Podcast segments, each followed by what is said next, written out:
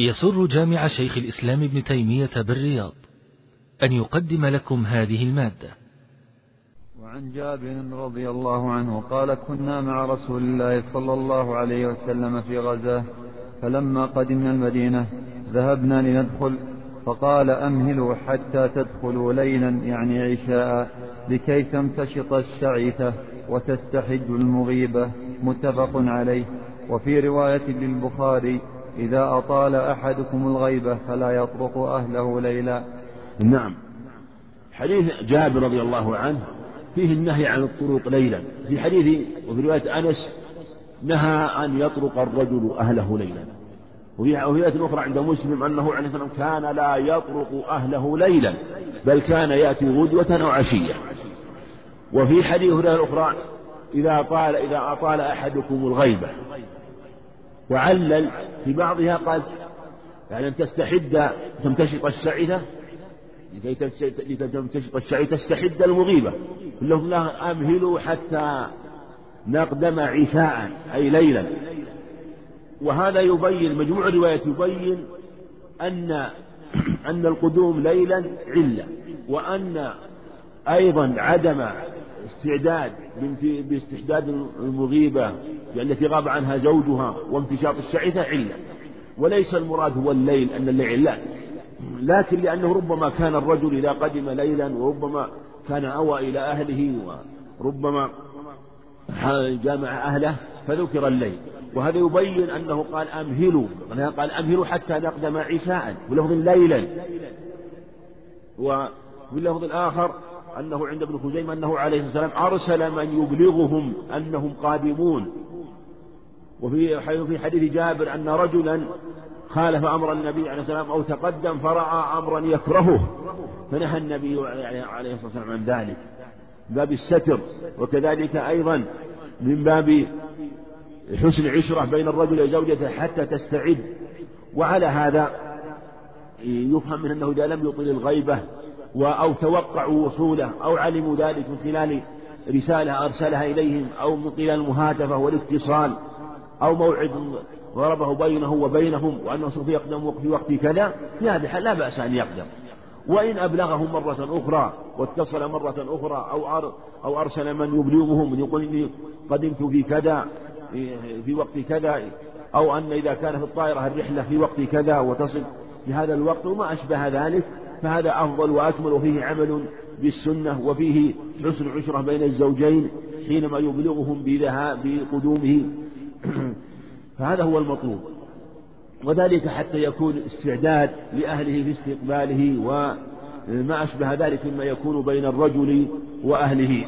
وعلى هذا يقال لا فرق بين الليل والنهار إذا علموا بقدومه أو أرسل من يعلمهم بقدومه أو هو بين لهم ذلك قبل قبل أن يسافر.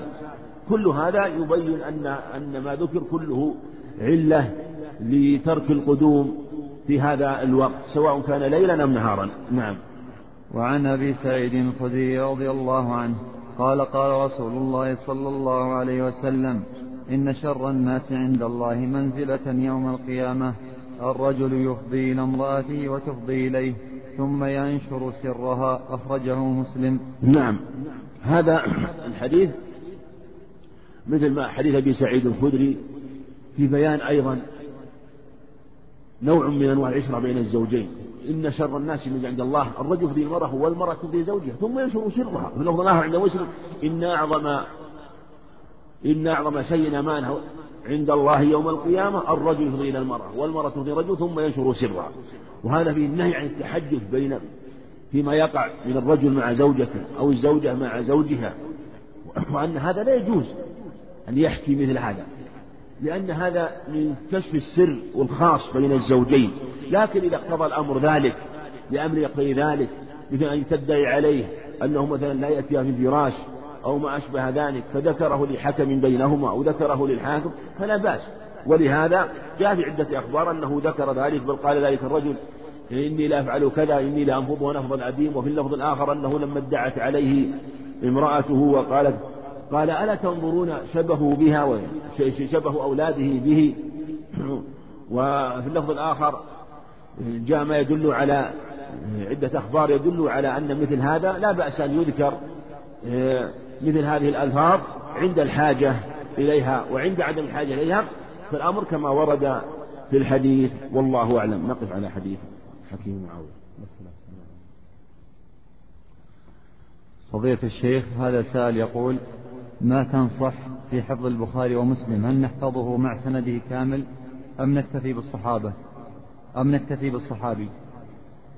نقول إذا كان الإنسان قوة وقدرة على الحفظ بالسند لا شك هذا هو الأكمل. حفظ الأسانيد هذا من أعظم ما يكون. وباب شريف في العلم وشرف أي شرف هذا حينما يحفظ الأسانيد ويتقنها. وهكذا كانت طريقة العلم لأن حفظ الأسانيد من أعظم المعينات له لمعرفة الرجال ومعرفة الأسانيد ومعرفة كيف الروايات واتصال الأسانيد وانقطاع الأسانيد. لأن حينما يحفظ الأسانيد حفظه لأسانيد البخاري ينفعه في أي حديث يسمعه في سنن أبي داود. لو سمعت سندا في سنن أبي داود سنن أبي داود لا تدري هل صحيح وضعيف لكن إذا كنت حفظت أسانيد البخاري ثم جاءك سند بسند البخاري أو رجاله رجال البخاري تحكم مباشرة بصحة السند وإن لم ترجع إلى كتب الرجال. ها وكذلك إذا كان من رجال مسلم. وإن كان هناك رجال كل فيهم يسير في البخاري ومسلم لكن شيء يسير. لا والقاعدة والأغلب والأكثر والأكثر هو استقامة هو عدالة رجالهما. فهذا ينفعك في معرفة الأسانيد. كذلك عند غير البخاري. ربما مر عليك سند في في كتب التفسير عند أبي حاتم أو عند المردوية مثلا أو غيره من المفسرين أو في معاجم الطبراني. فتكون عرفت رجال الطبراني شيخه وشيخ شيخه وعرفتهم أو راجعتهم ثم بقي عليك ثلاثة رجال أربعة رجال. فإن كنت حافظا ولك عناية بحفظ الأسانيد ما تحتاج ترجع. يكفيك حفظك الأسانيد بالحكم عليه. لأنك عرفته وتبين لك اتصال السند عن اتصاله. فلا شك أن الحفظ ينفعك في الحفظ وينفعك في معرفة قوة الأسانيد من صحتها ثم معرفة الأسانيد من هذا على شرط البخاري على شرط مسلم ومعرفة العلل ومعرفة التراجم. فله فوائد عظيمة وكثيرة فإذا تيسر ذلك فلا شك أنه أمر حسن عظيم. نعم. صلى الله عليك. وهذا يقول هل يجوز للمحرم أن يكلف محلا أن يعقد له؟ ما في مانع. إذا قال له تعقد لي أريد يتزوج فلان أو تعقد لي بعدما يحل من حرام لا بأس. وإن كان الأكمل والأحسن أنه لا يتكلم في أمر النكاح. لكن لا ينبغي له أن يخطب له في حال إحرام. فإذا قال اعقد لي أو وأراد بالعقد يعني إن كانت امرأة قد خطبها قبل إحرامه وقال أعقد لي بعد فراغي من الإحرام لا بأس بذلك. أما إذا كان مثلا ما ما خطب حتى الآن وقال اخطبي فلانة ثم أعقد لي عليها نقول خطبتها له في حال إحرامه منهي عن كما تقدم. لا ينكح محرم ولا ينكح ولا يخطب سواء خطب هو أو وكيله لأن وكيله يقوم مقامه. لأنه حينما يخطب وكيله فإنه كأنه هو الخاطب. لأن العبرة بالوكيل لا بالموكل بالموكل لا بالوكيل. فإذا كان على أمره بالعقد بعد ذلك بعد الحل الإحرام فلا بأس وإن كان الأولى ترك مثل هذه الأمور آه، بعد الحلم الإحرام حتى لا يكون سببا في الوقوع في المحظور. نعم. أحسن الله عليك وهذا يقول هل يجوز الآن الزواج من أهل الكتاب من اليهود والنصارى وهل هم على ما كانوا عليه في السابق؟ الذي يقال مثل ما قال عليه الصلاة والسلام تنكح المرأة لمالها ولجمالها ولدين حسن فاظفر بذات الدين. من سألنا هل أنكح اليهودية نقول اظفر بذات الدين. أوصيك بوصية الرسول عليه الصلاة ولا شك أن اليهودية والنصر دين لها. وإذا كان المسلم وإذا كان الرجل يتخير بين المسلمات فكيف يختار الكافرات؟ من اليهوديات والنصرانيات لكن إذا أراد أن ينكح يهودية أو نصرانية فلا بأس من ذلك. لا بأس من ذلك. وقد أنكر حذيفة وقد وقد تزوج طلحة يهودية وتزوج حذيفة نصرانية وأنكر عمر عليهما ذلك لكن لم يأمرهما بذلك.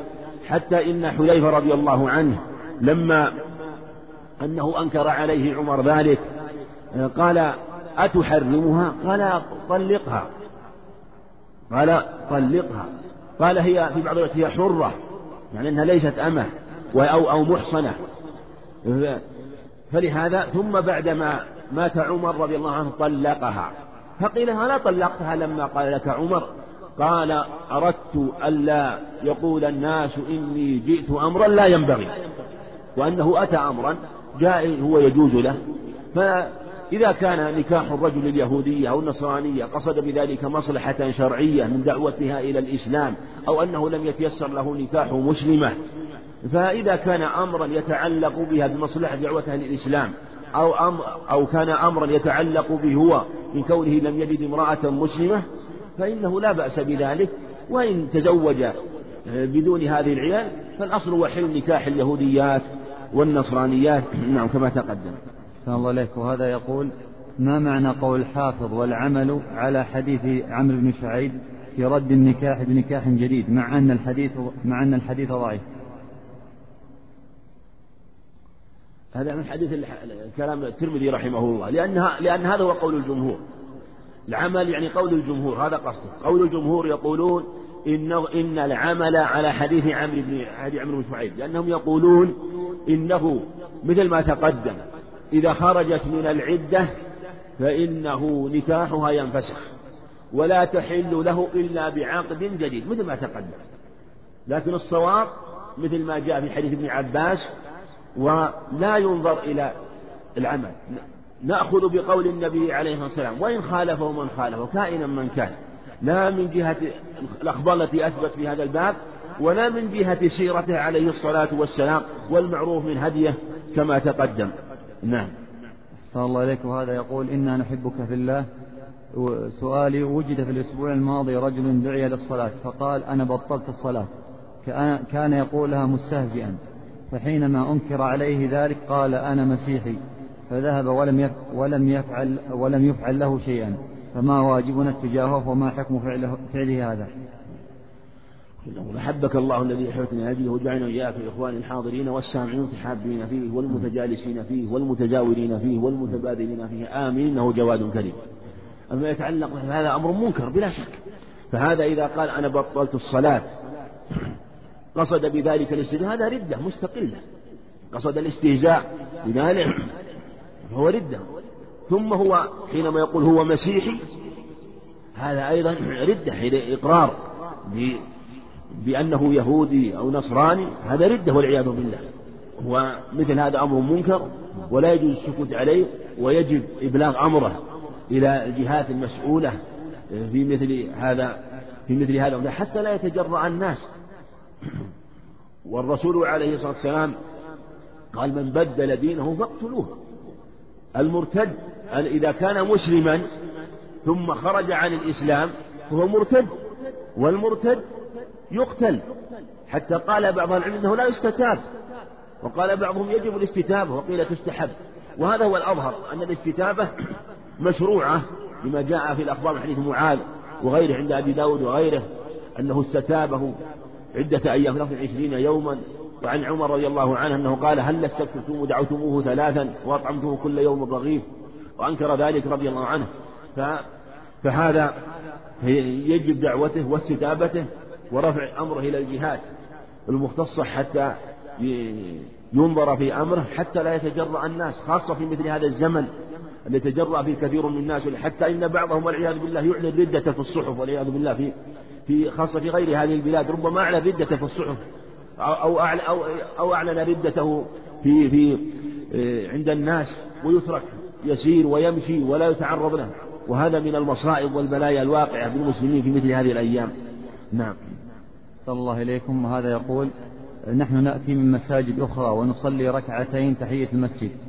فهل ينطبق علينا حديث من جلس في مصلاه حتى تطلع الشمس وصلى ركعتين كان له أجر أجر عمرة؟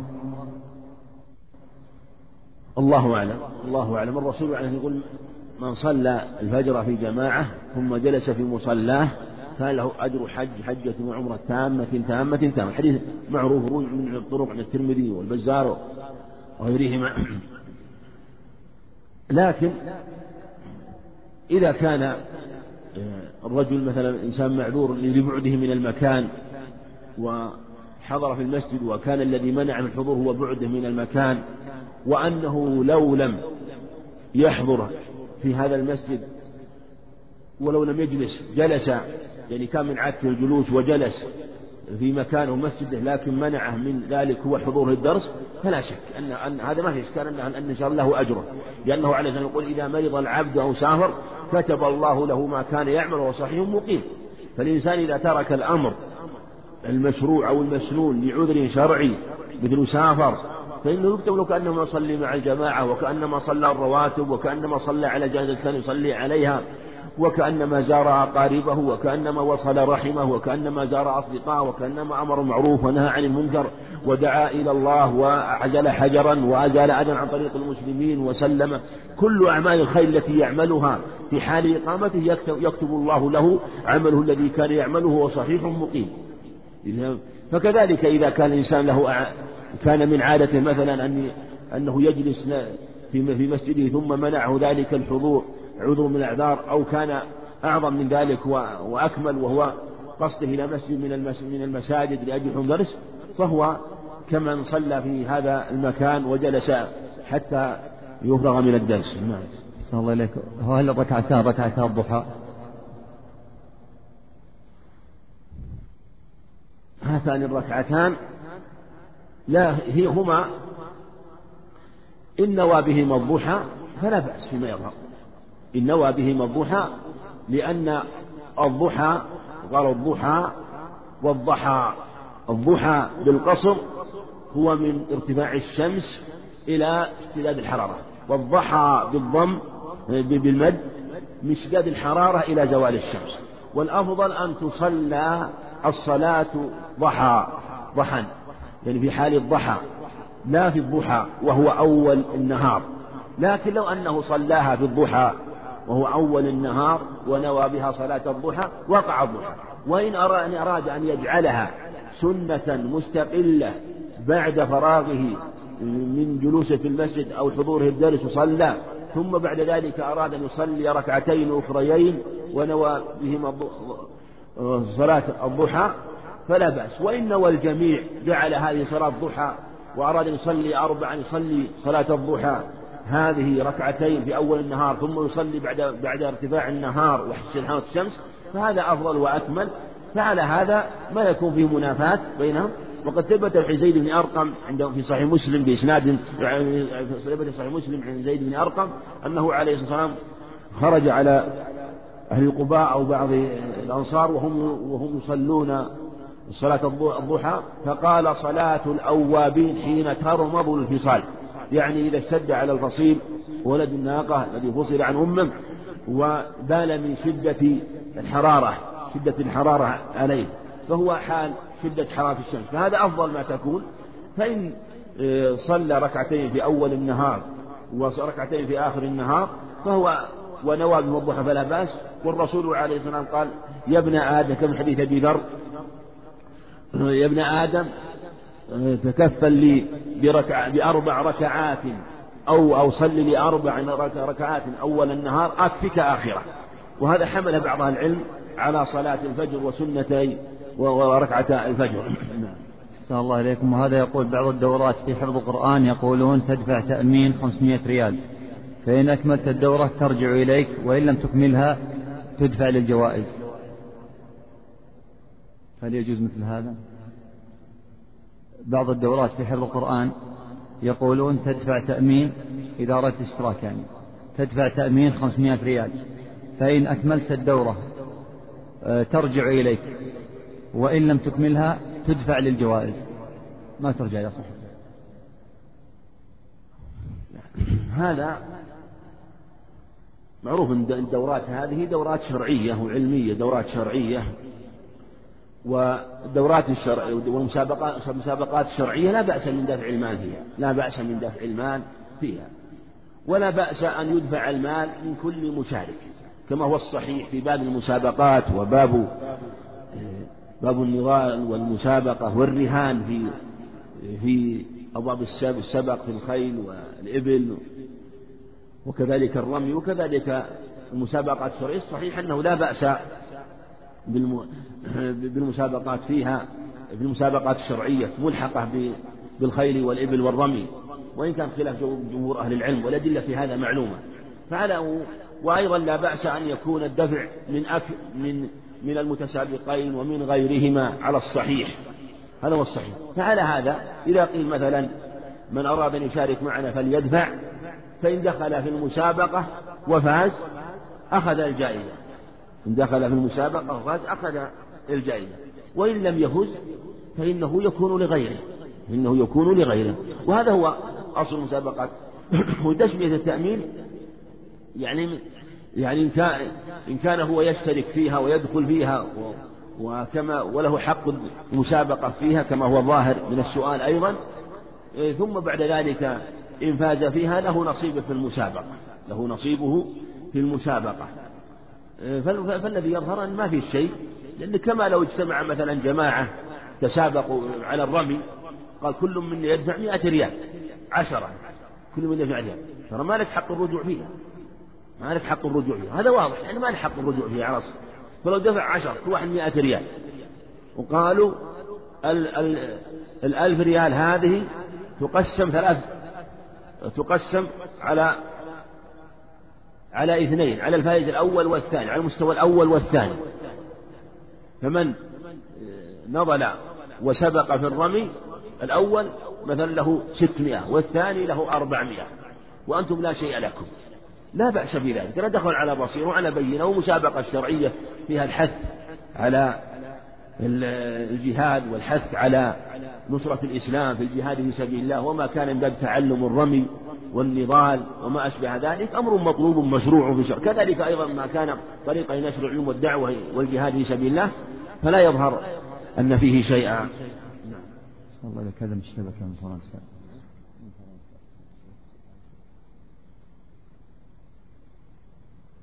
نعم هذا يسأل في يعني في مداعبته لزوجته وبعض يعني نقول لا بأس مهما فعل الرجل مع زوجته مهما فعل الرجل يستمتع بها ما شاء يستمتع الرجل من زوجته ما شاء وتستمتع منه ما شاء وهو حل لها وهي حل له كل منهما حل للآخر. مهما إنما المحرم هو إتيان الدبر. هذا هو وما شاء تستمتع به بأي شيء وبأي عضو جسمه يستمتع بها كذلك. وإنما المحرم هو الدبر كما تقدم في الأخبار. والله أعلم. وصلى الله وسلم وبارك على نبينا محمد. الله إليك بسم الله الرحمن الرحيم. الحمد لله رب العالمين وصلى الله وسلم على نبينا محمد وعلى آله وصحبه أجمعين. قال المؤلف رحمه الله تعالى وعن حكيم وعن حكيم بن معاوية عن أبيه قال قلت يا رسول الله ما حق زوج أحدنا عليه؟ قال تطعمها إذا أكلت وتكسوها إذا اكتسيت ولا تضرب الوجه ولا تقبح ولا تهجر إلا في البيت. رواه أحمد وأبو داود والنسائي وابن ماجه وعلق البخاري بعضه وصححه ابن حبان والحاكم. الحمد لله رب العالمين والصلاة والسلام على نبينا محمد وعلى آله وأصحابه وأتباعه بإحسان إلى يوم الدين. أما بعد فيقول الإمام الحافظ ابن حجر رحمه الله تعالى وعن حكيم بن معاوية عن أبيه. أبوه هو معاوية بن حيدة القشيري. وهذه النسخة وهذه الرواية كما سبق تأتي كثير من رواية بهز بن حكيم عن أبيه عن جده وهي رواية من باب الحسن. وهذا الخبر أيضا علق البخاري بعضه كما تقدم كما ذكر المصنف رحمه الله. قال علق البخاري بعضه وذكر رحمه الله أنه قال ويذكر عن معاوية بن حيدة ولا تهجر إلا في البيت ذكر هذه اللفظة رحمه الله في في كتابه الصحيح معلقا. بهذه الصيغة ويذكر. وفيه ما أشار المصنف رحمه الله قال ما حق زوج أحدنا؟ قال زوج هذه اللغة الفصيحة يقال زوج وزو ويقال زوجة كما جاء في كثير من الروايات وتأتي زوج يأتي زوج ويأتي زوجة مثل في قول الصحيحين لكل واحد منهم زوجتان. ما حق زوج أحدنا؟ فهو يطلق على الزوج الرجل الزوج يطلق على الرجل ويطلق على المرأة على المرأة وعلى زوجها. ما حق زوج أحد عليه؟ وهذا الخبر سيذكره المصنف رحمه الله في كتاب النفقات لأنه متعلق بكتاب النفقات.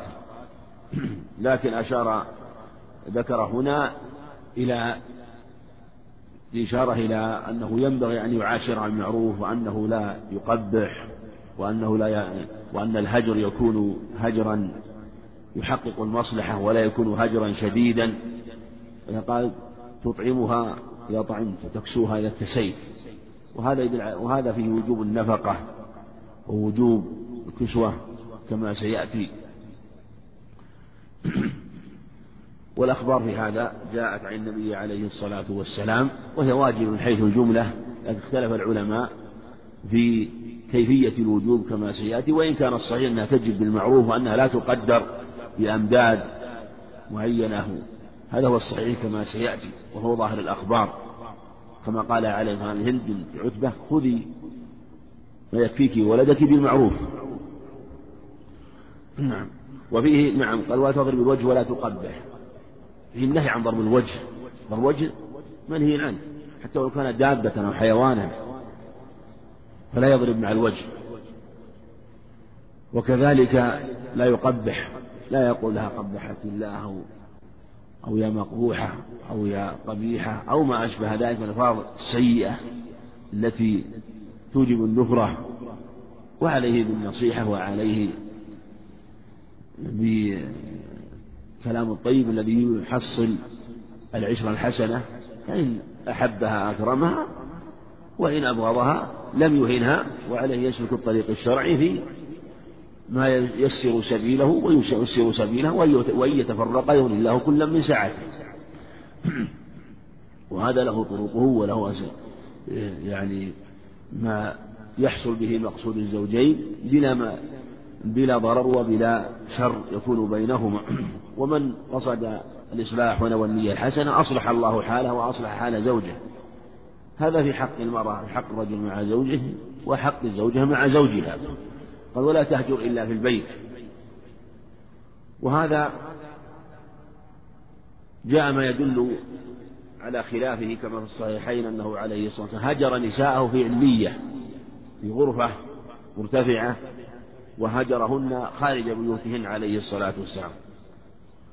واختلف في الجمع بين الأخبار في هذا الباب. منهم من قال إن هذا الخبر لا يثبت وأنه لا بأس من أن يهجر خارج البيت كما هجر عليه الصلاة والسلام.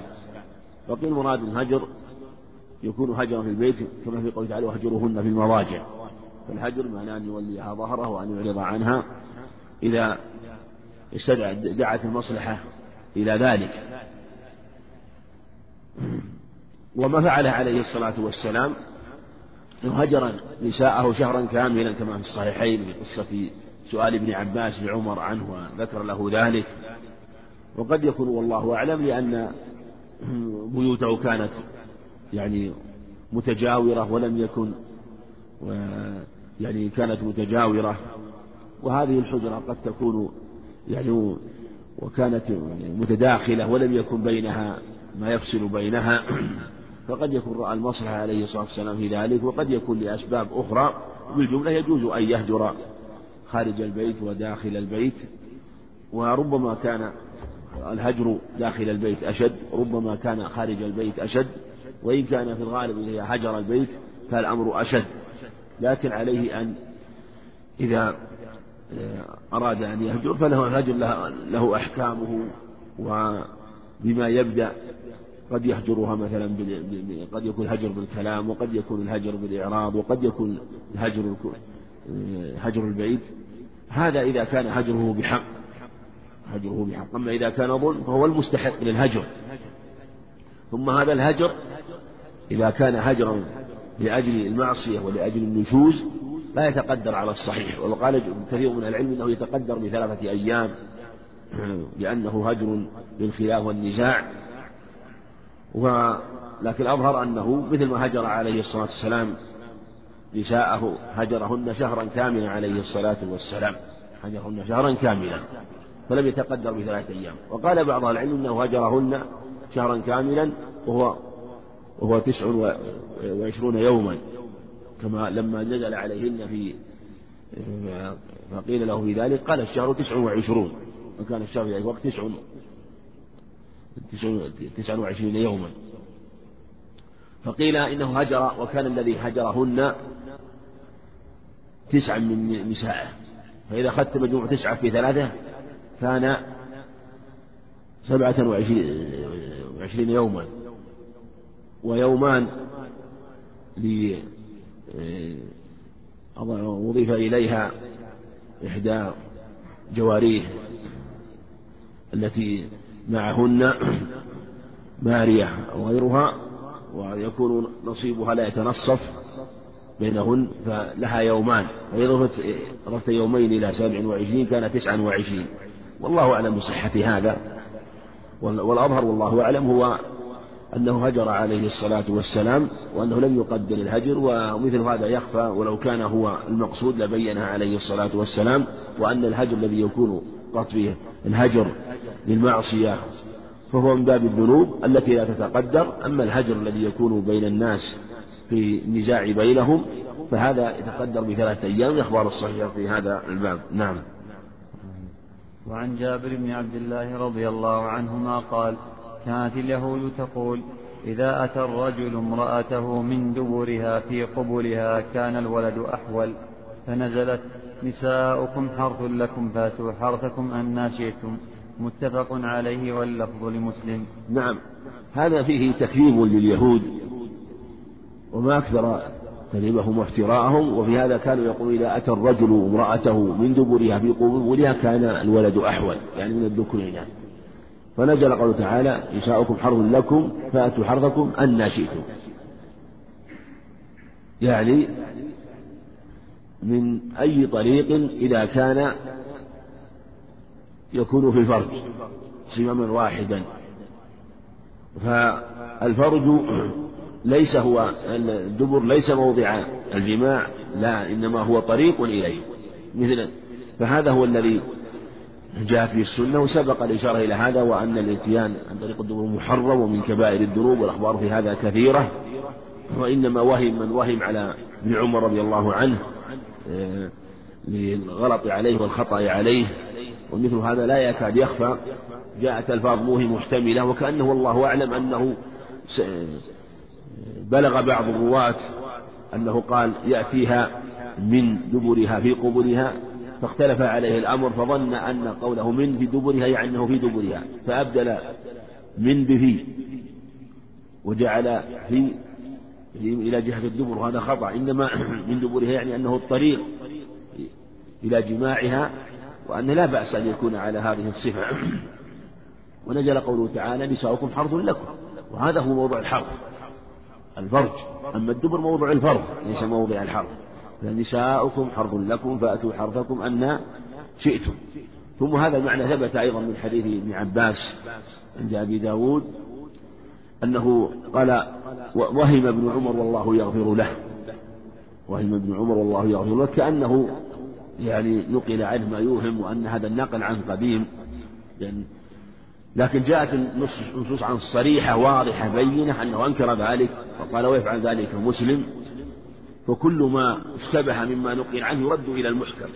الواضح البين على القاعدة في نصوص الشريعة حينما تأتي نصوص مشتبهة ترد إلى المحكمات. هذه طريقة أهل العلم وطريقة الراسخين في العلم هي رد المتشابهات إلى المحكمات ورد ما فيه التباس إلى ما فيه إلى ما هو واضح مبين الدلالة واضح الدلالة.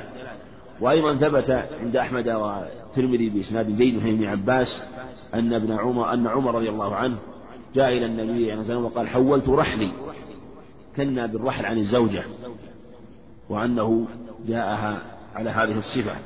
دبرها في قبل. فنزل قوله تعالى نساؤكم حرث لكم. كأنه والله أعلم أنها نزلت في الجميع. نزلت في الجميع أو أنه نزلت عند ما قال اليهود هذا الكلام. فأنزل الله هذا هذه الآية تكذيبا لهم.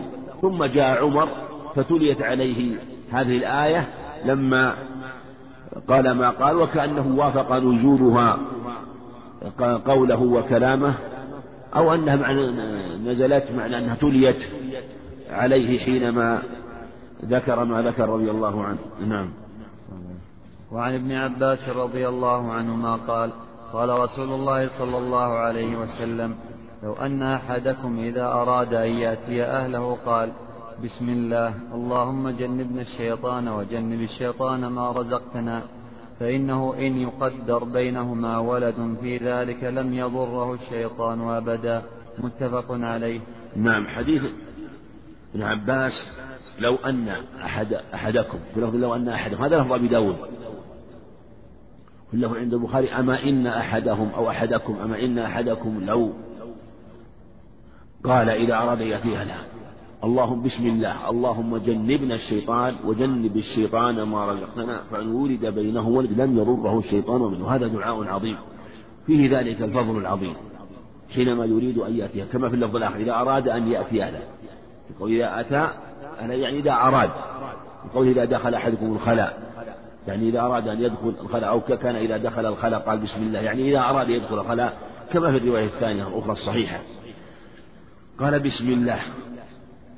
هذا فيه هذا الدعاء العظيم الذي فيه حماية والصيانة للعبد من الشيطان لأن الشيطان خبيث ويحرص على حضور الإنسان في جميع شأنه ما يدع الإنسان في جميع شأنه حتى في مثل هذه الحالة أبدا لا يدعه بل ربما كان في مثل هذه الحالة يريد أن يتمكن أكثر لأن ربما حصل من الغفلة وتمكن فلهذا عليه أن يحترز من الشيطان يجب على العبد أن يحترز من الشيطان ويحرص ويتأكد في بعض المواضع.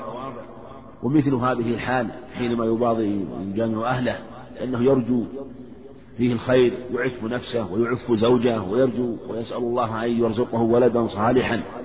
قل بسم الله اللهم دعاء اللهم جنبنا الشيطان وجنب الشيطان مرضى أول شيء أثنى على الله يقول بسم الله. ثم جاءت هذه الكلمة بسم الله لأنها ابتداء. وهذا شأن عظيم يشرع أن يبدأ فيه بسم الله. ثم يقول اللهم جنبنا الشيطان. يعني استعاذة بالله من الشيطان. وجنب الشيطان ما رزقتنا. يعني جنبنا الشيطان في هذه الحال وأن لا يحضرنا ولا يحضر شأن الإنسان. ثم يجنب الشيطان. ثم يبعد الشيطان ويجنب الشيطان ما رزقهم من الولد إذا قسم الله لهم ولدا. قال ثم فإن ولد بينه ولد لم يضره أبدا. هذا ظاهر هذا النفي نفي أنواع الضرر وعموم الضرر وهذا أخذ بها العلم وأنه ينتفي جميع الضرر الديني والدنيوي وهو ظاهر النص. واستدني من ذلك ما ثبت في صحيح البخاري أنه ما من مولود إلا ويطعن الشيطان يولد إلا ويطعن الشيطان في في جنبه أو قال في خاصرته. وفي إشارة في بعض في بعض كلام أهل العلم وفي بعض الروايات يدل على أن صرخته حين سقوطه حين نزوله من تلك الطعنة. وأن هذا ضرر وأن هذا يعني طعن لا يؤثر ولا يضر ولا يضره خاصة إذا كان قد سمي عليه. وهذا النفي نفي الضرر أخذ بعض أهل العلم بعموم وقالوا إنه يشمل جميع أنواع الضرر. وأن كثيرا من الضرر الذي يحصل لكثير من الناس في الغالب أنه قد يكون تقصير في الدعاء له حال جماع أهله. وأن لأن الإنسان في الغالب ربما في هذه الحال ربما غفل ربما غفل وربما نسي آه، وربما عرض له ما يصرفه. فلهذا أو قد يكون مثلا ربما قاله ثم كان حريصا عليه ربما قاله ربما أحيانا في آه، في حال الجماع التي يحصل فيها الولد ويحصل فيها الحمل قد ينساه. ربما قال بعض أحواله ونسيه في بعض أحيانه بأن أراده الله وقضاه الله سبحانه وتعالى. تظاهر الحديث العموم في جميع أنواع الضرر. نعم. وعن أبي هريرة رضي الله عنه قال وعن أبي هريرة رضي الله عنه عن النبي صلى الله عليه وسلم قال إذا دعا الرجل امرأته إلى فراشه فأبت أن تجيء لعنتها الملائكة حتى تصبح. متفق عليه واللفظ للبخاري ولمسلم. كان الذي في السماء ساخطا عليها حتى يرضى عنها. نعم حديث أبي هريرة فيه أيضا إشارة إلى أنه تجب العشرة بين الزوجين. بالتي أحسن. الرجل مع زوجته والزوجة مع زوجها ومن ذلك في شأن الفراش. إذا دعا الرجل امرأته إلى فراشه فمثلا تجي لعنة الملائكة حتى تصبح اللفظ آخر عند البخاري حتى ترجع. اللفظ عند مسلم. كان الذي في السماء ساقطا عليها حتى ترجع. هذا يبين شدة هذا الأمر وأنه وأنه محرم وأنه من الكبائر لأن اللعن لا يكون إلا على أمر عظيم وأمر شديد. والمراد بالفراش هو الجماع وهذه من الكنايات الحسنة في الشرع تكني عن بعض الأمور فيكني وهذا يأتي مثل ذكر المس وما أشبه ذلك والمراد به الجماع وهذا واقع في الشرع إذا دعا الرجل امرأته إلى فراشه مثل قولها الولد للفراش الولد للفراش لأنها تكون فراشة فلهذا قال ولد للفراش إلى فراشه فأبت أن تجيء وهذا إذا لم يكن هنالك عذر فأما إذا كان لها عذر من ضرر أو ما أشبه ذلك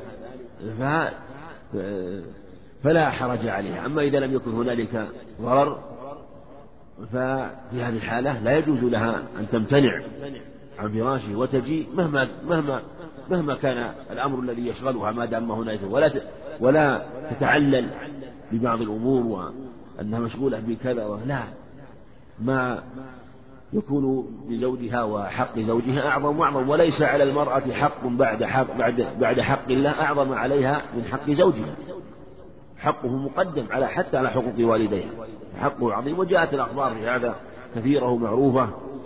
ومنها ما ذكر مصنف في هذا الخبر عن أبي هريرة قال فبات غضبان عليها وكأنه وهذا فيه التأكيد اللعن لعن الملائكة أنه إذا غضب. أما إذا آه، لم يغضب وكان من حسن عشرته أنه أعرض عن ذلك ولم يغضب عليها كان هذا من حسن عشرته ومن تمام حسن الخلق ومما يحمد ويشكر على آه، عليه خاصة إذا ترك حقه وحظه ولم يغضب عليها. وربما آه، عوض مما فاته منها ما هو أكمل وأتم مما يكون سببا في استقامتها وطاعتها له.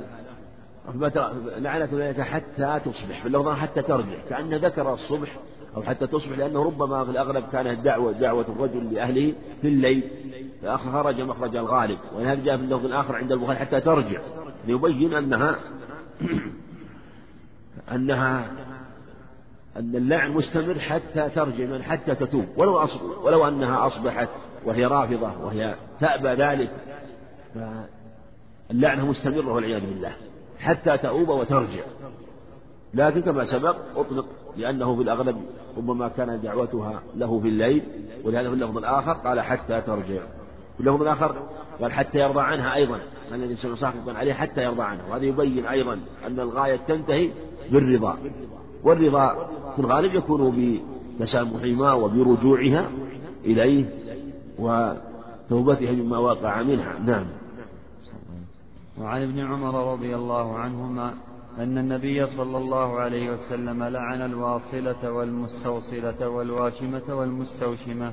متفق عليه. نعم، حديث ابن عمر هذا ثبت في عدة أخبار بل هو عند على طريقة بعض العلم في حكم متواتر يعني ثبت أيضا صحيح البخاري من حديث أبي هريرة وثبت عند البخاري عن أسماء وعن اسماء بن أبي بكر وعن عائشة وجاء من حديث عبد الله بن مسعود الصحيحين ومن حديث معاوية رضي الله عنه. اختلفت الألفاظ في هذا الباب. حديث ابن عمر كحديث حديث أبي هريرة كحديث ابن عمر. وعن الله الواصلة والمستوصلة والواشم والمستوشمة حديث أسماء وعائشة لعن الله الواصلة والمستوصلة. الواصلة تصل شعرها بشيء. والمستوصلة التي تطلب ذلك أن يفعل بها. والواشم الوشم هو غرز الجلد بإبرة ونحوها ثم يوضع حتى يخرج الدم ثم بعد ذلك يغرز في موضع هذا في موضع الغرز يحشى بشيء بكحل أو نحوه أو بأنواع مما يحشى حتى يغير الجلد ويخضر الجلد ويتغير لونه ويتغير لونه.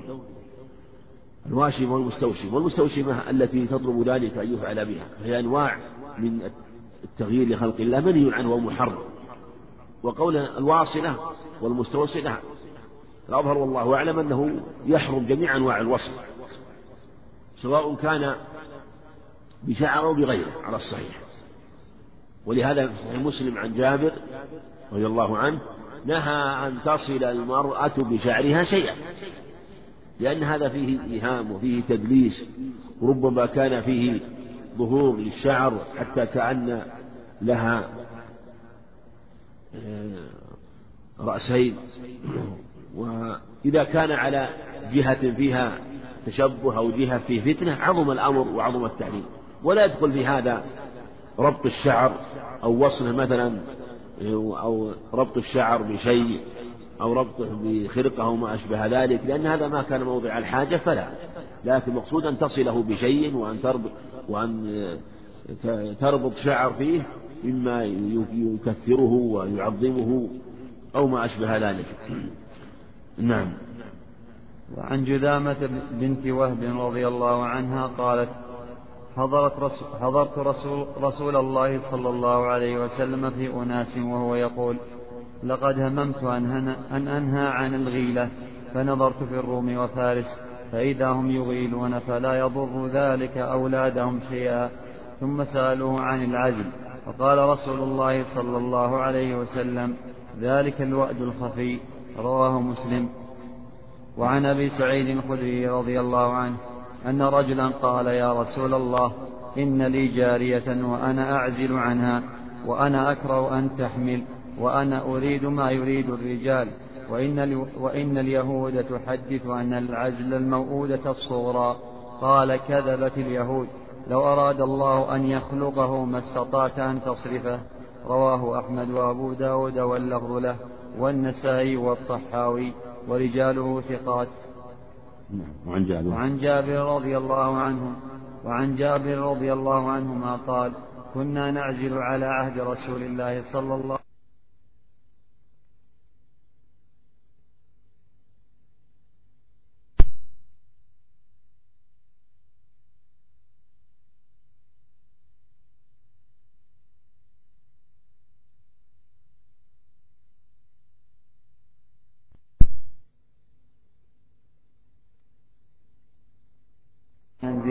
ولو كان شيئا ينهى عنه لنهانا عنه القرآن.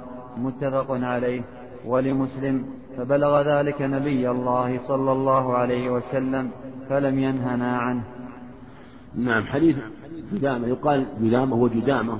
وقال بعضهم من جدامة بالذات تصحيف أنها جدامة بنت وهب رضي الله عنها.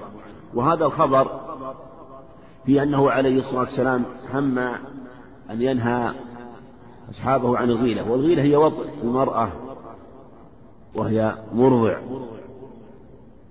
وأنها ويقولون إن وضع المرضع ربما كان سببا في فساد اللبن و ثم يكون أثره على الولد الذي يرضع ويشرب اللبن.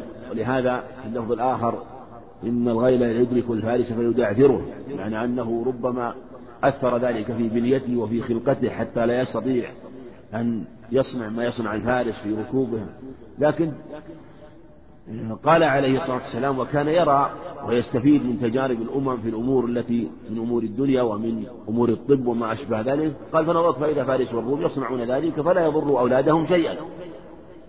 وجاء في حديث سعد بن الوقاص وعند مسلم أيضا أن رجلا قال أنه أنه كان يكره أن يريد أن يواقع جاريته لكن يمتنع أو يعزل عنها يخشى أن يخشى أن تحمل. وقال بعضهم إن الغيل هو حمل الجارية وهي ترضع ووطئها ف وقال إني أخشى على ولدها. قال لو كان ذلك لو ضر أحدا ضر فارس والروم أنهم يصنعون ذلك. بين أنه لا ضرر فيه وأنه لا بأس بذلك. والعرب كانوا من عادتهم أنه إذا ولد لهم الولد ربما استرضعوا له وطلبوا له من يرضعه. ويقولون إن من المصالح في هذا أنه حتى يتهيأ له أن يطع زوجته ولا يرضع ولدها منها. فلو رضع منها فإنه ربما أثر عليه. وأيضا يطلبون النفاسة بذلك حينما يرضع من لبن أهل البادية البرية.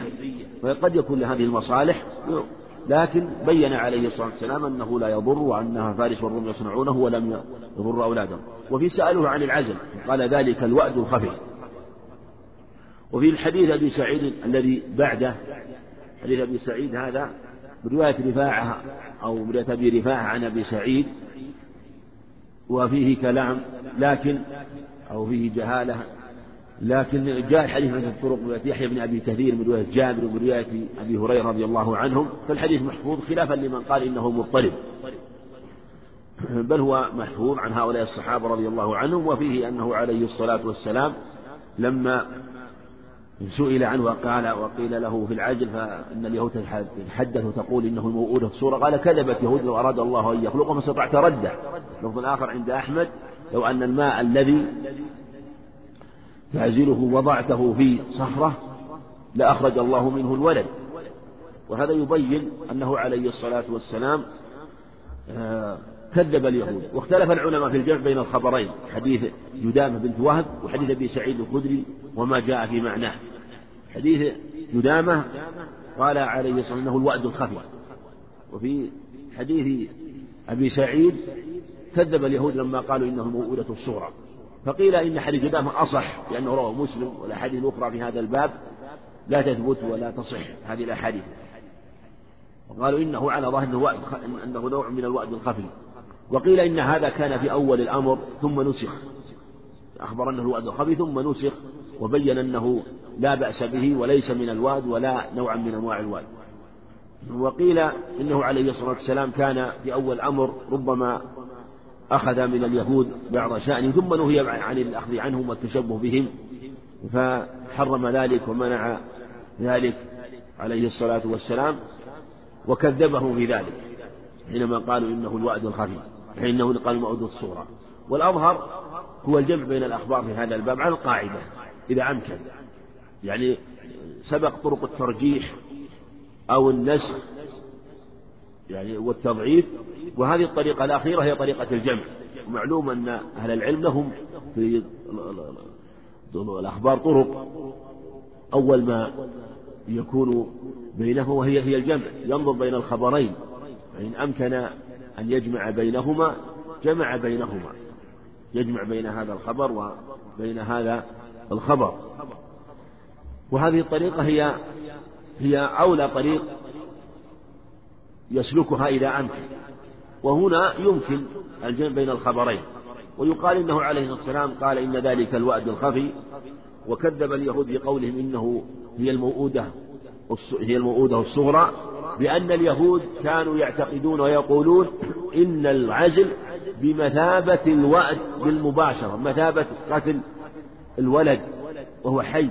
فنزلوه منزلة الوأد لكنه موؤودة الصغرى وكذبهم عليه الصلاة والسلام بذلك وأخبر العزل ليس كالوعد ولكنه وعد خفي لأن الوعد الحقيقي وعد بالمباشرة والفعل وهو أن يباشر الفعل وأن يكون الوعد قتل حقيقي بالمباشرة مع الفعل والنية بذلك قصد لذلك وفعله قصد له وفعله أما الوعد فهو قصد بلا فعل.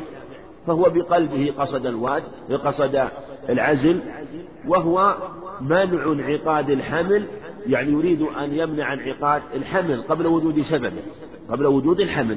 مثل هذا قصد بلا فعل لأنه لم يوجد حمل حتى آه، يكون منه حتى يكون منه القتل.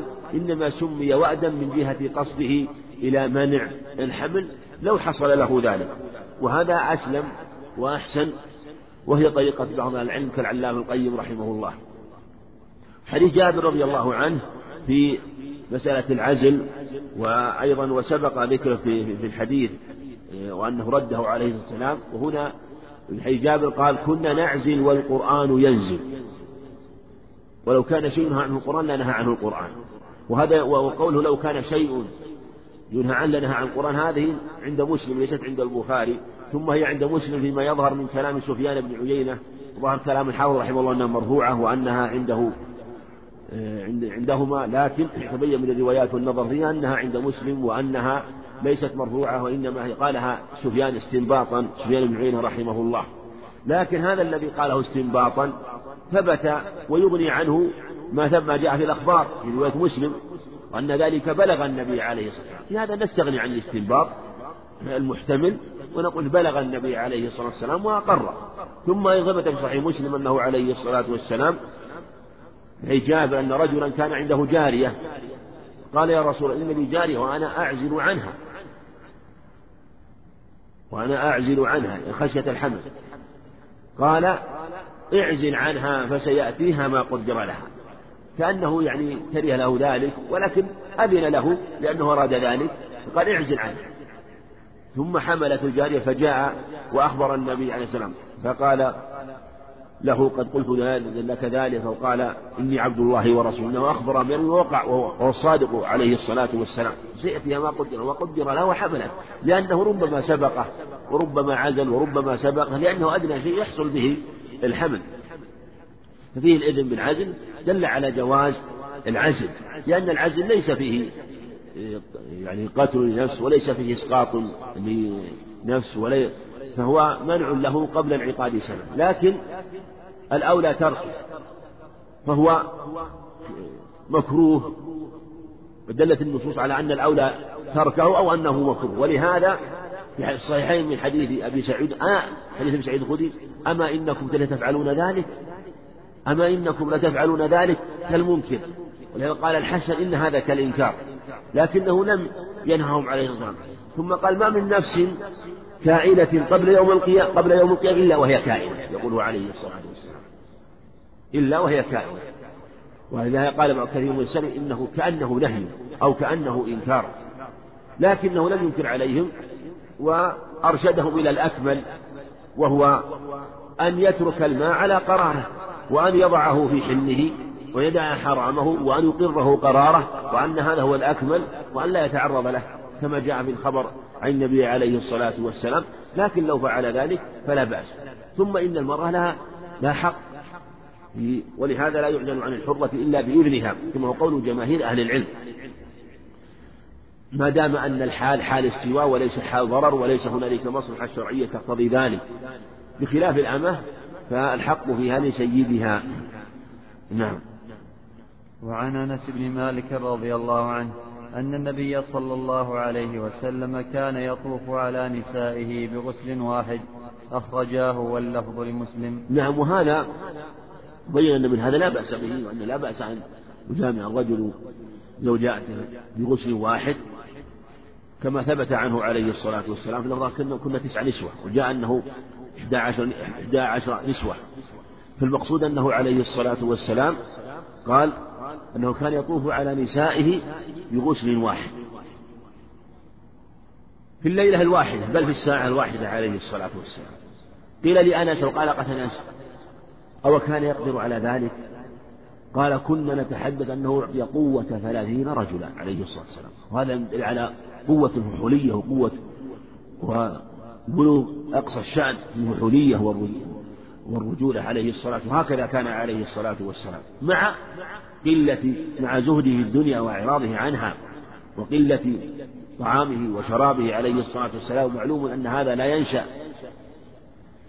الماء مع الجماع لا ينشأ إلا في الغالب ولا يكثر إلا مع الأكل والشرب ومع ذلك كان منه على هذه الحال عليه الصلاة والسلام في الوقت الواحد وكان ربما اغتسل غسلا واحدا والأكمل أن يغتسل الأحوال ثلاثة يعني أن يكون الجماع بلا بلا وضوء ولا غسل. وهذا جائز. ويليه أن يجعل بينهما وضوءا. وثبت في الأخبار أنه أن يجعل بينهما وضوءا. وأنه وأنه كما ثبت الخبر يعني إذا فليجعل بينهم وضوء أو فليتوضأ. وأكمل من ذلك أن يغتسل كما روى أبو داود حين أبي رافع أنه عليه السلام جمع نساء فجعل يغتسل عند هذه وعند هذه فقيل ألا جعلته غسلا واحدا؟ قال لا هذا أزكى وأطيب وأطهر. نعم. وعن أنس رضي الله عنه عنه عن باب الصداق وعن أنس رضي الله عنه عن النبي صلى الله عليه وسلم أنه أعتق صفية وجعل عتقها صداقها متفق عليه. نعم. حديث باب الصداق. الصداق هو المهر ويقال المهر والنحلة والعطية والحباء.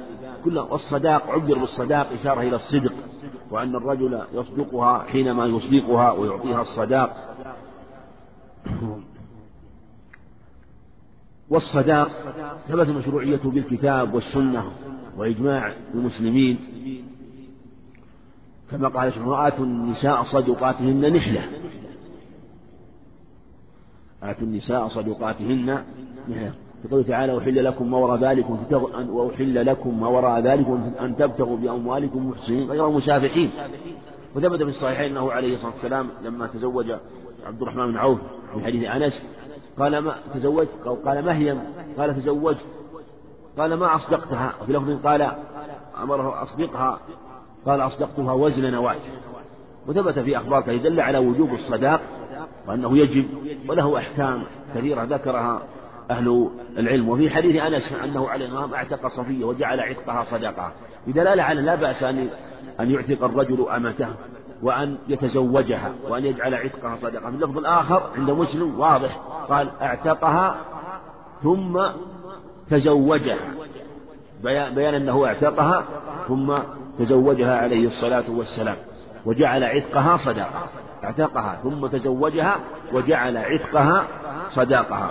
وهذا واضح لأنه جعل العتق صداق. وأنه وهذا يبين أنه لا بأس أن يكون الصداق منفعة من المنافع. وهذا من عظيم يعني من عظيم الأجر أن يعتق أمته وأن يتزوجها لأن هذا من البر كما ثبت في الصحيحين. إذا كان له جارية فاعتقها ثم تزوجها وأنه من القوم الذين لهم أجران. وإن أصدقها فهو أفضل وهو أكمل قد ورد في خبر يدل على هذا أنه إذا أعطاها صداقا فهو أكمل يجب أن يجمع بين عتقها وبين الزواج بها وبين أن يعطيها الصداق. نعم. وعن أبي سلمة بن عبد الرحمن رضي الله, رضي الله عنه. أنه قال سألت عائشة رضي الله عنها زوج النبي صلى الله عليه وسلم كم كان صداق رسول الله صلى الله عليه وسلم؟ قالت كان صداقه لأزواجه ثنتي عشرة أوقية ثنتي عشرة أوقية ونشا. ونشا. ونشا. قالت أتدري ما النش قال لا. قالت نصف أوقية فتلك خمسمائة درهم فهذا صداق رسول الله صلى الله عليه وسلم لأزواجه. رواه مسلم. نعم وهذا يبين أنه عليه السلام لم يكن يغلي بالصداق. وهكذا كان صداقه وصداق أزواجه عليه الصلاة والسلام. وأنه كان يصدق الواحدة منهن ثنتي عشرة أوقية والأوقية أربعون درهم. وهو يصدق وقالت عائشة لأبي سلمة عبد الرحمن بن عوف الزهري رضي الله رضي الله عنه ورحمه أبو سلمة قالت إن صداقه ثنتا عشرة أوقية ونش. ثنتا عشرة أوقية كل أوقية الأوقية أربعون درهما. ثنتا عشرة في أربعين بأربعمائة وثمانين. والنش نصف أوقية وهو عشرون درهما أضيفها إلى أربعمائة وثمانين يكون خمسمائة يكون مجموع خمسمائة خمسمائة درهم. وهكذا كان صداقه عليه الصلاة والسلام. معنى أنه لم يكن يغني ولم يكن يبالغ. وهذا المراد الأغلب والأكثر. وإلا في بعض أزواجه لم يكن صداقه بهذا القدر. فجويرية جاء في سنن أبي داود عن عائشة بن محمد بن إسحاق أنه عليه الصلاة والسلام لما كانت تحت ثابت بن قيس بن شماس أنه ملكها كان يملكها وكاتبها فجاءت تسأل النبي عليه الصلاة والسلام وكانت امرأة ملاحة. فلما رأتها عائشة كرهت موقعها لأنها علمت أنه لو رآها عليه الصلاة والسلام ربما تزوجها فجاءت إليه عليه الصلاة والسلام تسأله الصداء تسأله الإعانة في كتابتها أو أو هي خشية أن يتزوجها عليه الصلاة والسلام فكرهت قالت فكرهت موقعها وسؤالها. ف وكان من رحمة الله عز وجل أن جاءت إليه عليه الصلاة والسلام فسألته أن يعين في كتابتها. فقال هل لك في خير من ذلك؟ قالت نعم يا رسول الله وما هو؟ قال أعتقك وأتزوجك أو قال آه، يعني أنه يعطيها عن كتابتها ويتزوجها قالت نعم يا رسول الله. فاعتق فدفع كتابتها ثم تزوجها عليه يعني ما بقي عليها من المال الذي عليه ثم تزوجها عليه الصلاة والسلام. فكانت أيمن امرأة وأبرك امرأة حينما علم الناس أنه أنها تزوجها رسول الله صلى الله عليه وسلم فجعل الذين فجعل أصحابه الذين يملكون الرجال والنساء من قومها يقولون أصحاب رسول الله صلى الله عليه وسلم اعتقوهم اعتقوهم فكان لها بركة على قومها. فيه أنه جعل صداقها ما بقي من كتابتها كذلك آه، صداقه لبعض نسائه التي أصدقها له النجاشي رحمه الله ورضي عنه أنه أصدقها أربعة آلاف درهم أصدقها أربعة آلاف درهم وعائشة لم يكن صداقه خديجة لم يكن صداقها كذلك. فالمقصود وصفية اعتقها وجعل عتقها صداقها. فالمقصود في الأغلب أن صداق أزواجه كان بهذا القدر عليه الصلاة والسلام. وإذا أصدق الرجل ما هو أكثر فلا بأس لكن لا ينبغي مغالاة الصداق على وجه يحفظه وإن كان على وجه الشرط وحصل ضرر فهذا منهي عنه. وإن كان الرجل هو الذي قدم الصداق بدون أن يكون ميسور الحال وأعطى زوجته صداقا كثيرا فلا بأس. كما قال سبحانه وآتيتم إحداهن قنطارا فلا تأخذوا منه شيئا.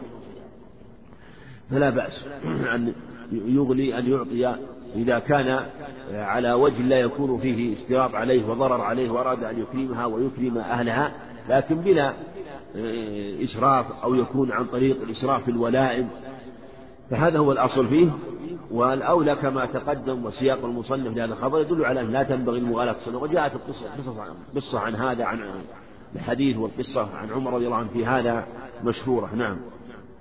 وعن ابن عباس رضي الله عنهما قال لما تزوج علي فاطمة قال له رسول الله صلى الله عليه وسلم أعطها شيئا؟ قال ما عندي شيء. قال فأين درعك الحطمية؟ رواه أبو داود والنسائي وصححه الحاكم. نعم وفي هذا أنه يشرع للرجل إذا تزوج امرأة أن الأفضل أن يعطيها الصداق قبل الدخول بها. وإن لم يعطيها لم يعطيها صداقا أو صداقة فلا فالأحسن أن يعطيها شيئا من الصداقة لحديث ابن عباس وحديث ابن عباس حديث صحيح كما رواه أبو داود النسائي وعند النسائي زيادة أيضا أنه قال أين درعك الحطمية؟ قال هي عندي. قال فأعطها إياها.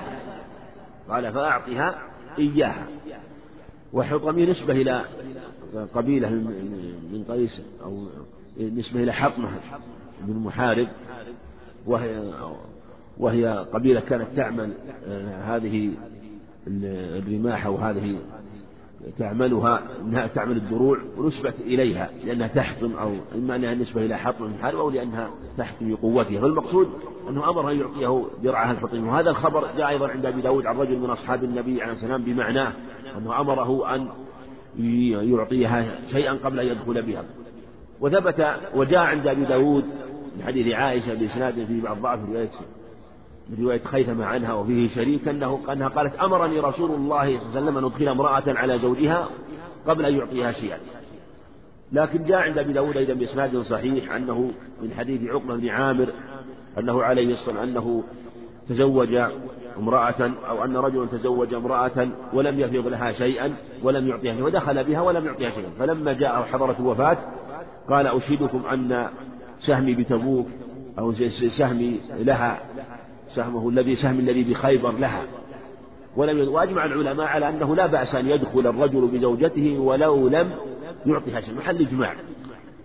لأنه لأن النكاح المفوضة أو المفوضة التي لم يفرض لها جائز. جائز كما في حديث مسعود الآتي. لا بأس أن يدخل بها وإن لم يفرض لها. إنما المنهي عنه هو نفي المهر. هو الذي لا يجوز. وهو شرط باطل. وهل يبطل النكاح موضع خلاف ذهب الجمهور إلى أن شرط باطل؟ ولا يكون النكاح صحيح وذهب تقي الدين إلى بطلان الشرط والنكاح. أما إذا فوضها بمعنى أنه سكت عن المهر فهذا لا بأس به باتفاق أهل العلم. لكن ويجمع بين الأخبار في هذا الباب أن الأحسن والأفضل أن يعطيها شيئا كما أمر عليه السلام عليا أن يعطيها شيئا قبل أن يدخل بها.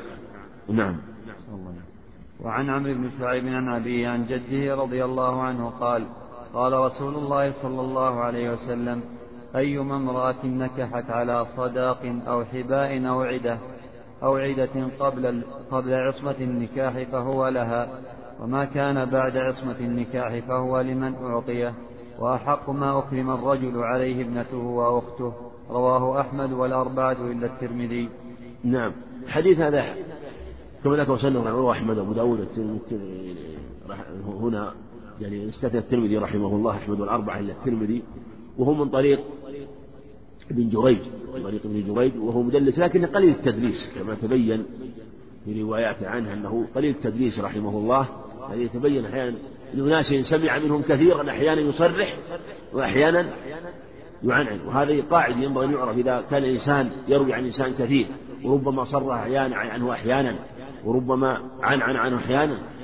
ومع أنه روى عنه كثير إلا أنه إلا أنه صرح وحدث عنه يدل على أنه يميز وأنه قليل التدليس.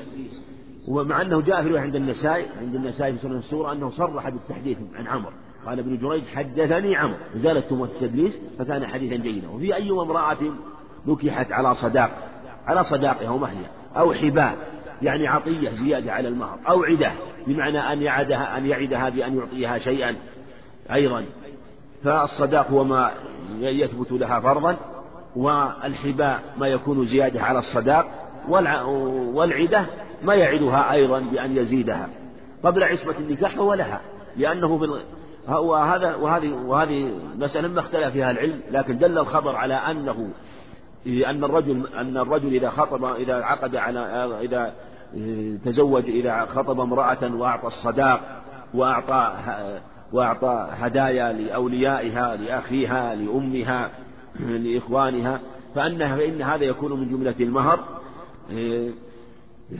إلا وهذا بينه إذا تراضوا على ذلك لا بأس لأنه في الغالب لا يعطي إلا لأجل النكاح وعقد النكاح لأنه لم يملك عصمتها ولم ولم يتزوجها حتى وما كان بعد عصمة النكاح بعد العقد ما دام ملكها وخص كل إنسان فإنه لمن أعطيه لمن أعطيه واختلف أهل العلم في هذا لكن الخبر دل على هذا. وإذا دل الحال والقرائن على مثل ذلك وأنها رضيت بذلك وتبين بذلك رضاها وأنها هي التي رضى ذلك فالأمر إليها. واستثنى أهل العلم الأب وأن له أن يشترط حتى قبل النكاح وهذا هو الصواب بخلاف غيره من الأولياء فلا فلا بأس أن يشترط لنفسه شيئا لأنه كما قال عنه أنت ومالك لأبيك وقال عنه أن أولادكم من كسبكم وخير أنه قال خير ما أكلتم من كسبكم وإن أولادكم من كسبكم. في عدة أخبار عن النبي عليه الصلاة والسلام. فلا بأس للأب أن يشترط شيئا لنفسه آه، من مهر ابنته. نعم. وعن وعن علقمة عن ابن مسعود رضي الله عنه أنه سئل عن رجل تزوج امرأة ولم يفرض لها صداقة ولم يدخل بها حتى مات. فقال ابن مسعود لها مثل صداق نسائها لا وكس ولا شطط وعليها العدة ولها الميراث فقام معقل بن سنان الأشجعي فقال قضى رسول الله صلى الله عليه وسلم في بروع بنت, بنت واشق امرأة منا مثل ما قضيت ففرح بها ابن مسعود رواه أحمد والأربعة وصححه الترمذي وجماعة وعن نعم. جابر نعم. وعن جابر بن عبد الله رضي الله عنهما أن النبي صلى الله عليه وسلم قال من أعطى في صداق امرأة سويقا أو تمرا فقد استحل. أخرجه أبو داود وأشار إلى ترجيح وقفه. وعن عبد الله بن عامر بن ربيعة النبي رضي الله عنه أن النبي صلى الله عليه وسلم أجاز نكاح امرأة على نعلين. أخرجه الترمذي وصححه. وخولف في ذلك. نعم. حديث عائشة حديث مسعود حديث صحيح وهو ما فيما دل عليه خبر أن رجلا تزوج امرأة ولم ولم يفرضها ومات. وهذا كما تقدم فيه لا بأس أن يتزوج المرأة و ولو لم يفرغ لها. لكن في هذا أنه لم يدخل بها فمات فقضى ابن مسعود في اللفظ الآخر أنه مكث مدة ينظر في الأمر وفي لفظ أنه مكث شهرا. فقال أقولها فيها برأيي في الرواية الأخرى إن يكن صوابا فمن الله وإن يكن خطأ مني ومن الشيطان. قال لها قل لها مهر نسائها لا وكس وشر وعليها العدة ولها الميراث. فقام معقل بن الأشجعي فقال قضى رسول الله صلى الله عليه وسلم ببروع بنت واشق امرأة من النساء مثل ما قضت فرح بها ابن مسعود. فرح بموافقة حكمه عليه الصلاة والسلام. وفيه كما تقدم أنه يثبت المهر كاملا للمرأة إذا توفي عنها زوجها ولو لم يدخل بها لأنها فرقة الموت. بخلاف فرقة فرقة الموت بخلاف فرقة الحياة فيه تفصيل. إذا فارقها في الحياة قبل الدخول وقبل الفرض فلا مهر لها إنما لها المتعة. وللمطلقات متاع معروف حقا على المحسنين يعني لها المتعة أن يمتعها. أما الفرقة في حال فرقة الموت فإنها تقرر المهر. تقرر المهر وهذا إحدى الصور التي يتقرر فيها المهر. لأن يعني يتقرر بالدخول ويتقرر بالموت لهذا النص لهذا الخبر ولا وكس ولا شر. لا وكس يعني لا ينقص مهرها عن مهر نسائها. ولا شطط ولا جور على الزوج بمعنى أن يزاد عليه بل يعطى لها مهر نسائها. وهذا هو الصواب بأن يعطى لها مهر نسائها من أخواتها ومن عماتها نسائها. وقال بعض العلم ينظر في المرأة إن كان لها صفات خاصة تفوق غيرها فإن هذا يعتبر لأن الناس يعتبرونه. ولكن الأصل هو أن لها مهر نسائها كما في هذا الخبر. حديث جابر رضي الله عنه وفي حديث جابر رضي الله عنه من من أعطى من يديه في صداق من أعطى من يديه صداق امرأة من يديه سويقا أو تمرا في صداق امرأة فقد استحل. السويق هو ما يقلى من الحب من الحنطة ونحوه. وفيه فقد استحل معنى أنها تكون زوجته وأنه تحل له. وهذا ثبت صحيح مسلم حيث جابر أنه قال كنا نستمتع بالقبضة أو بالقبضة, بالقبضة من الطعام آه، في في باب المتعة. ولهذا لا بأس أن يكون الصداق ولو كان شيئا يسيرا وهذا هو الصواب أنه ولو كان الصداق شيئا يسيرا فلا بأس بذلك. والحديث هذا في ثبوت نظر لكن دلت الأخبار الأخرى وعموم النصوص على أنه الصداق يحصل بأي شيء كما سيأتي أيضا. وهذا الحديث موسى بن مسلم بن رومان عند أبي داود وهو ضعيف وصوب الحافظ أنه صالح مسلم بن رومان. وما دل عليه الخبر ثابت في الأخبار أما ما جاء أنه لا مهر أقل من عشرة دراهم وأخذ بالأحناف فهو قول لا يصح ولا يثبت والصواب ما قال به جمهور أهل العلم وأن أقل المهر لا يتقدم لكن لا بد أن يكون له شيء شيء له قيمة حتى يتنصف لأن الصداق إذا فرض هو إذا فرض لها وقبل الدخول فإنه وطلقها قبل الدخول فإنه يتنصف فلا بد أن يكون شيء أن يكون شيئا له نصف. وحديث عبد الله بن عامر بن ربيعة عن أبيه عامر بن ربيعة هو العنزي صحابي صغير وفي أنه جاز امرأة تزوجت رجلا بنعلين وفي لفظ أنه قال أرأيت من نفسك بنعلين؟ قالت نعم فأجاز عليه الصلاة والسلام. حديث مولاة عاصم عبيد الله هو ضعيف وهو شاهد في الباب وليست العمدة عليه أن لا بأس أن تزوج المرأة ولو كان شيئا يسيرا كما في هذا الخبر. نعم. عن سهل بن سعد رضي الله عنهما قال زوج النبي صلى الله عليه وسلم رجلا امرأة بخاتم من حديد. أخرجه الحاكم وهو طرف من الحديث الطويل المتقدم في أوائل النكاح. وعن علي رضي الله عنه قال لا يكون المهر أقل من عشر من عشرة دراهم. أخرجه الدار قطني موقوفا وفي سنده مقال. وعن عقبة بن وعن عقبة بن عامر رضي الله عنه قال قال رسول الله صلى الله عليه وسلم خير الصداق أيسره. أخرجه أبو داود وصححه الحاكم. نعم. حديث حديث سهل بن سعد هذا أنه عليه الصلاة والسلام قال زوج النبي صلى الله عليه وسلم رجلا امرأة بخاتم من حديد. قال المصنف رحمه الله قال أخرجه الحاكم وطرف يعني من الحديث الطويل حديث سهل بن سعد المتقدم في أوائل النكاح.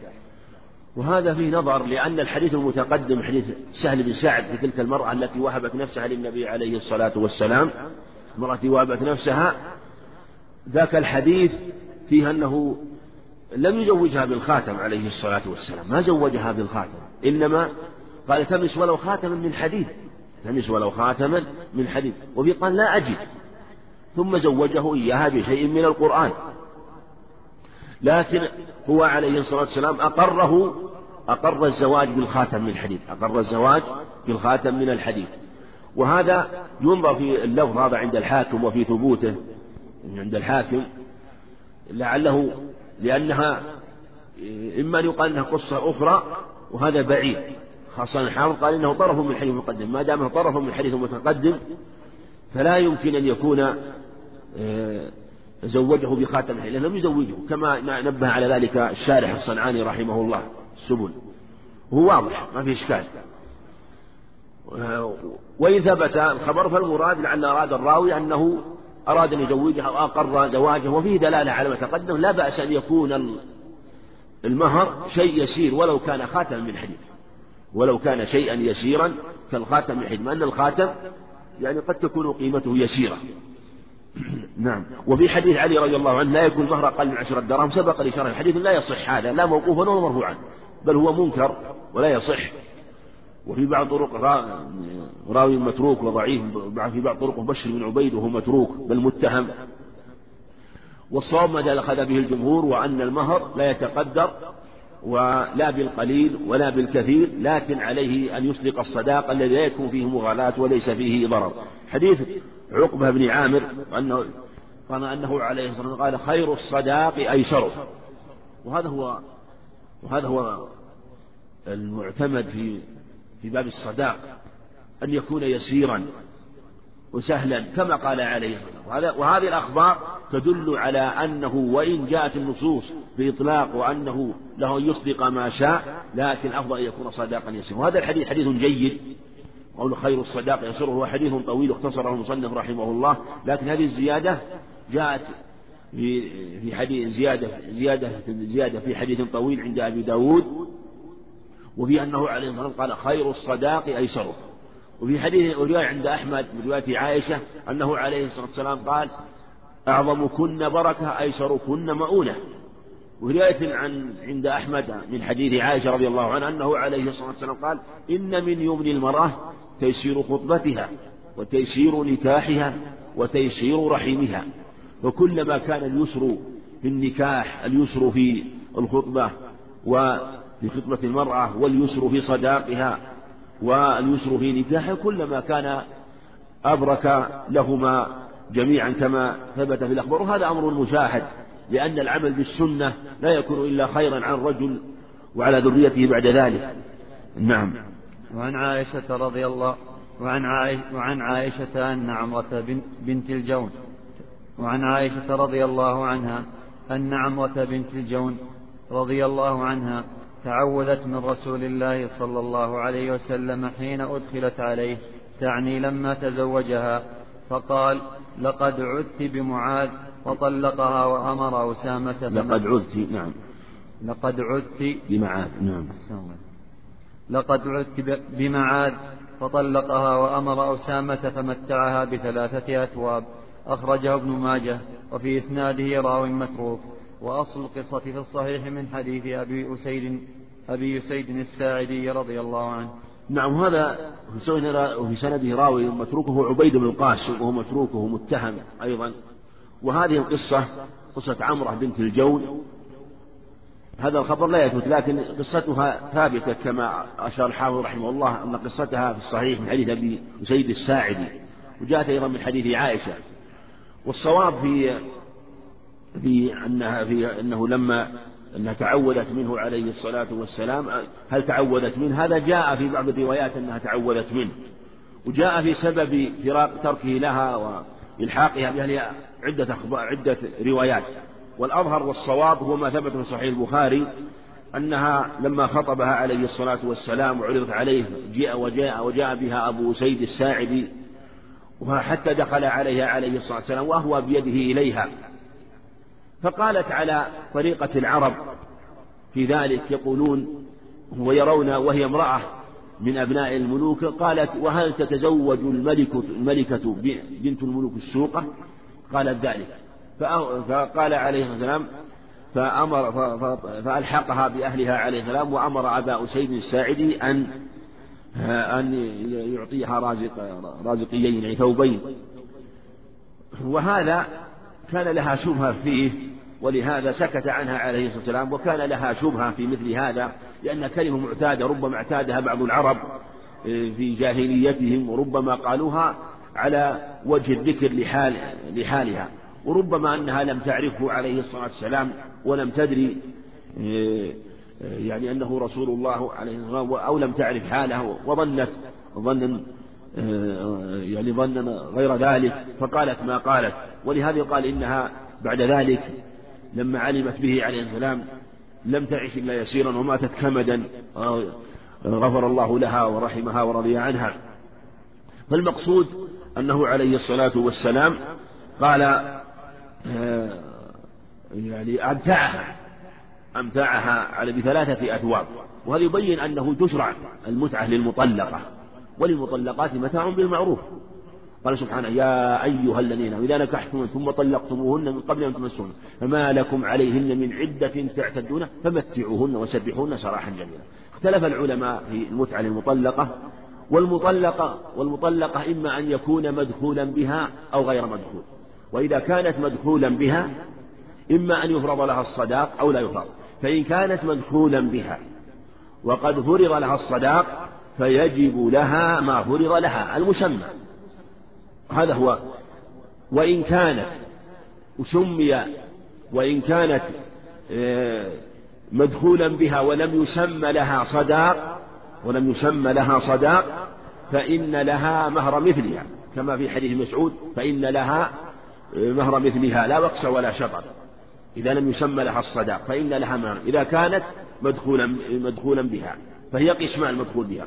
وغير المدخول بها كذلك هي قسمان. من سمي لها ولم يسمى لها إذا طلقت يعني. فإن كانت طلقها طلقها بعد التسمية وقبل الدخول فهذا لها, النصف. فلها نصف الصداق. وإن كان لم يسمي لها آه، لم يسمي لها صداقا لم يسمي لها صداقا وطلقها قبل التسمية فهذه لها المتعة لها المتعة لأن قوله تعالى فمتعوهن وسبحوهن سراحا جميلا فهو داخلة فيها المطلقة التي لم يسمى لها ولم يدخل بها وهذا محل اتفاق أن لها المتعة. لكن هل المتعة تثبت لغيرها؟ ذهب أكثر العلماء إلى أن المتعة لا تثبت إلا لهذه وحدها. أما الثلاث الأخر فلا متعة لها بل إما أن يثبت لها إما أن يثبت لها المسمى وهي المس وهي من دخل بها وسمي لها المهر. أو والثانية من دخل بها ولم يسم لها المهر فلها مهر مثلها. أو سمي لها المهر وطلقت قبل الدخول فهذه لها نصف المهر. وهذا واضح. والنوع والمطلقة الثالثة التي سم التي طلقت قبل الدخول والمسيس قبل الدخول والتسمية. يعني ما سمي لها شيء وطلقت قبل الدخول. فانتفى الدخول فانتفى الدخول وانتفى التسمية. في هذه الحال لها المهار لها لها لها المتعة تمتع. هذا واضح ولا إشكال فيه. لكن هل المتعة تثبت لغيرها ويقال للثلاث البقية تمتع ولا ما تمتع؟ أكثر العلم قالوا إنها إن الثلاث الباقيات يكفيهن المهر إما نصف المهر أو المسمى أو مهر مثلها على التفصيل المتقدم. والصواب والأظهر والأقرب والله أعلم أن المتعة المتعة ثابتة لكل مطلقة. فإن كانت لم يسمى لها ولم يدخل بها فلها المتعة. وإن سمي لها ولم يدخل بها فلها النصف مع المتعة. وإن دخل بها ولم يسم لها فلها المتعة مع مهر أمثالها من النساء. وإن سمى لها ودخل بها فلها المسمى مع المتعة. لعموم قوله تعالى وللمطلقات متاع بالمعروف. ولقوله تعالى يا أيها الذين آمنوا إذا نكحتم ثم طلقتمون قبل أن تمسهن فمتعوهن. فما لكم عليهن عدة فما لكم عليهن من عدة تعتدون فمتعوهن وسبحوهن سراحا جميلا. والغالب أن المرأة لا يحصل طلاقها في الغالب إلا بعد التسمية هذا هو الغالب. والله عز وجل لم يفصل بين المطلقات وجعل حكمهن واحدا فأمر بتمتيعهن ولم يفصل بين من سمي لها ولم يسمى لها ومن دخل بها ولم يدخل ومن لم يدخل بها فدل على أنه مشروع أنه يعتق كل مطلقة. ثم أيضا المتعة ليس التمتيع سببه الطلاق والمهر أو نصف المهر سببه العقد. ففرق بين السببين فهي تعطى تعطى المهر المسمى أو مهر أمثالها أمثالها من النساء أو نصف المهر بسبب العقد بسبب عقد النكاح. فهو فهو سبب مستقل. أما المتعة فإن لها سببا آخر وهو الطلاق. لما حصل لها من الانكسار والتأثر وربما أثر ذلك كان هنالك أثر عليها وعلى قراباتها فلهذا كان المتعة لها وهذا هو الأقرب. والله أعلم. نقف على باب الوليمة. بسم الله الرحمن الرحيم.